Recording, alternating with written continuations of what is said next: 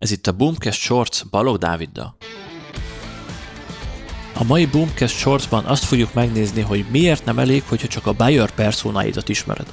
Biztosan ismered már a buyer persona kifejezést. Ez ugye azt mutatja meg, hogy kik az ideális vásárlóink, és minden marketingesnek, minden vállalkozónak ezt tudnia kell. Azért kell tudnunk, hogy lássuk azt, hogy kit kell elérnünk, hogy ki az ideális vásárlónk, hogy ő milyen csatornákon, milyen felületeken érhető el, mert ez befolyásolja majd azt, hogy hol kell jelen lennünk. Ez viszont még kevés, mert nem elég ismerni azt, hogy ki egy ideális vásárlónk, tudnunk kell azt is, hogy ő éppen milyen élethelyzetben van. És ebben segít a Buyer's Journey, ez a vásárlói útvonal magyarul, ami azt mutatja meg, hogy milyen kérdéseken, milyen kétségeken megy végig valaki, onnantól kezdve, hogy felmerül nála egy probléma, egészen odáig, hogy megoldotta azt a problémát, és vásárolt valamit. Mondok egy példát, és akkor már is jobban megérted, hogy mi a helyzet. Tegyük fel, hogy van egy futócipőket értékesítő webáruházam. A legegyszerűbb marketingfogás az, hogyha Google Ads-en ráhirdetek azokra, akik futócipőre, Nike futócipőre, 44-es futócipőre, akik valami konkrétumra keresnek. Ők viszont a potenciális vásárlói közönség általában maximum 10-20%-át teszik ki, mert ők azok, akik már tudják, hogy mire van szükségük, és egyszerűen csak ki kell őket szolgálni, csak ki kell elégíteni azt az igényt. A maradék 80-90 százalék viszont általában előrébb jár a vásárlói útvonalon, mert vagy nem tudja, hogy milyen cipőt akar, vagy nem tudja, hogy egyáltalán kell neki valami komolyabb futócipő, vagy még azt se tudja, hogy merre induljon el. És nekik más tartalmakat kell gyártanunk, hogy elérjük őket. Például, hogyha valaki most kezdett el futni, futott három alkalommal, és elkezdett fájni a térde, akkor ő tapasztal egy problémát, szó szerint egy, egy fizikai problémát, egy fizikai fájdalmat, amit ő meg akar oldani. Akkor rá fog keresni, hogy oké, okay, futottam, mondjuk aszfalton, és elkezdett fájni a térdem, mi lehet a probléma.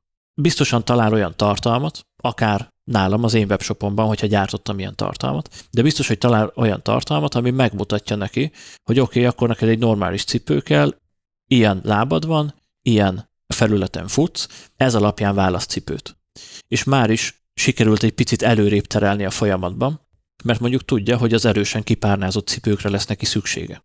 És onnantól kezdve van egy termék kategória, amin belül el tud kezdeni keresgélni. Ez egy következő élethelyzet, egy következő szakasz, amikor már tudja a problémáját, tudja a potenciális, a lehetséges megoldást arra a problémára, és össze kell hasonlítgatni a különböző gyártók, különböző márkák, különböző cipőket, ahhoz, hogy rájöjjön, hogy neki mi lesz mondjuk a legjobb. És ide megint más tartalmat kell gyártanom, mondjuk influencerek által bemutatni a cipőt, letesztelni a cipőt, stb. Mert itt már az a kérdés, hogy akkor melyiket válasszam. És így jut el majd odáig valaki, hogy akkor rákeres arra, hogy 44-es Nike futócipő, vagy akár a konkrét modellre, és kialakul benne egy igény, hogy ezt megvegye. És ezért nem elég az, hogyha kizárólag a buyer personákat ismered, mert akkor a folyamat legvégén fogsz tudni csak bekapcsolódni a képbe, amikor konkrét igény van, és ott fogsz versenyezni a konkurenseiddel szemben, és licitálni azért a figyelemért.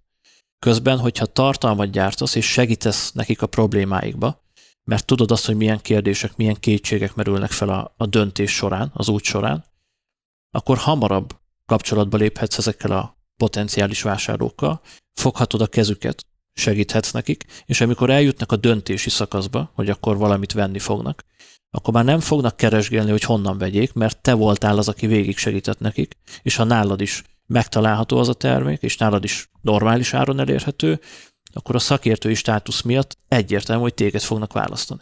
És ezért fontos, hogy ne csak a buyer personáinkat ismerjük, hanem a vásárlói útvonalakat is. És ennyi lett volna a mai Boomcast Shorts. Ha még valamiért nem tetted volna, akkor iratkozz fel a csatornánkra, mert hetente három új Boomcast shorts fogunk jelentkezni. És érdemes belépned a zárt Facebook csoportunkba is, ahol akár személyesen velünk is beszélgethetsz, de kérdéseket is tehetsz fel, és a közösségünk tagjait is megtalálod. Gyere és csatlakozz hozzánk, a linket megtalálod a leírásban. Találkozunk a következő adásban.